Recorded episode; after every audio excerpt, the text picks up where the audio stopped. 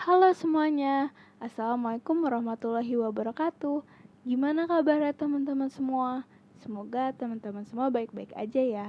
Nah, namaku Siti Nadifa Alma dari Universitas Pendidikan Indonesia Jurusan Pendidikan Sosiologi kelas 1B dengan NIM 2001475 Nah, hari ini aku mau membahas sedikit nih tentang demokrasi di Indonesia tapi sebelum kita mulai masuk ke pembahasan, akan lebih baik jika kita mengetahui terlebih dahulu tentang apa itu demokrasi.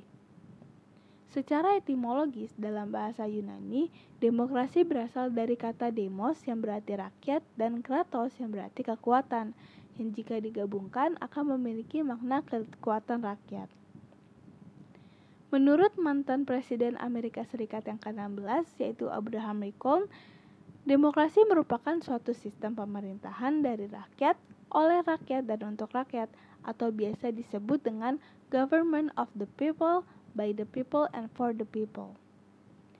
Nah, jadi pengertian demokrasi secara umum adalah sistem pemerintahan dengan memberikan kesempatan kepada seluruh warga negara dalam pengambilan keputusan, di mana keputusan ini akan berdampak bagi kehidupan seluruh rakyat yang memiliki arti lain, rakyat bertindak sebagai pemegang kekuasaan tertinggi.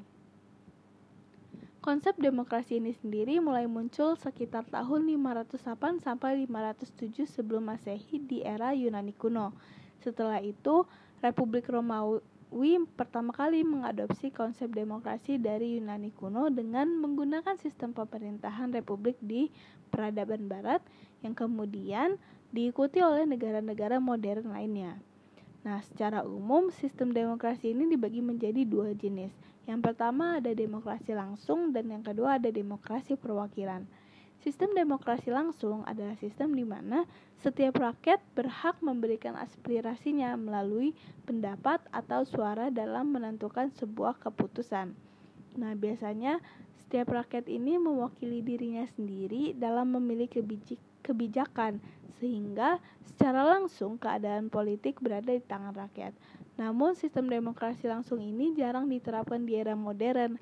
Hal ini dikarenakan oleh kepada kepadatan penduduk serta kurangnya minat penduduk untuk mempelajari keseluruhan permasalahan politik di negara tersebut. Yang kedua ada demokrasi perwakilan. Nah, di sistem ini seluruh rakyat memberikan pendapatnya melalui pemilihan umum dalam memilih wakil rakyat. Setelah terpilih, wakil rakyat tersebutlah yang akan mengutarakan aspirasi rakyatnya dalam mengatasi permasalahan negara. Di Indonesia sendiri, sistem demokrasi ini mulai ramai kembali sejak era Orde Baru karena di masa ini masyarakat Indonesia dilibatkan secara langsung dalam menentukan pemimpin negara melalui pemilihan umum dan juga lembaga-lembaga perwakilan rakyat mulai menjalankan fungsinya masing-masing. Indonesia sendiri sudah berkali-kali ganti sistem demokrasi, dimulai dari konsep demokrasi liberal, demokrasi kapitalis, demokrasi pemimpin, dan demokrasi Pancasila yang, ber yang berlandaskan nilai-nilai Pancasila dan Undang-Undang 1945. Dari beberapa konsep demokrasi yang pernah dicoba, hanya demokrasi Pancasila yang memungkinkan diterapkan di Indonesia. Demokrasi Pancasila merupakan gambaran dari kenyataan atau fakta masyarakat Indonesia yang bersifat multikultural tetapi tetap mengutamakan budaya persatuan. Konsep demokrasi ini semakin nyata dengan adanya kebebasan dalam berpendapat dan mengkritik yang pada akhirnya tidak jarang juga kebebasan berpendapat ini disalahgunakan sebagai penegasan terhadap identitas kelompok atas nama mayoritas.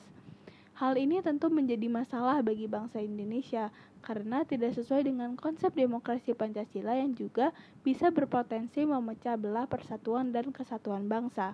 Sebagai negara demokratis, negara harus bisa mengakomodasi aspirasi rakyat, terkhusus minoritas, secara adil, karena sistem demokrasi ini memiliki rakyat yang memegang kekuasaan secara penuh, dan juga wakil rakyat harus menjalankan peran dan fungsi mereka secara baik agar tercipta masyarakat yang adil dan makmur.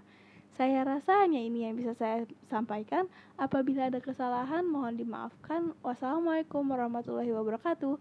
Dadah.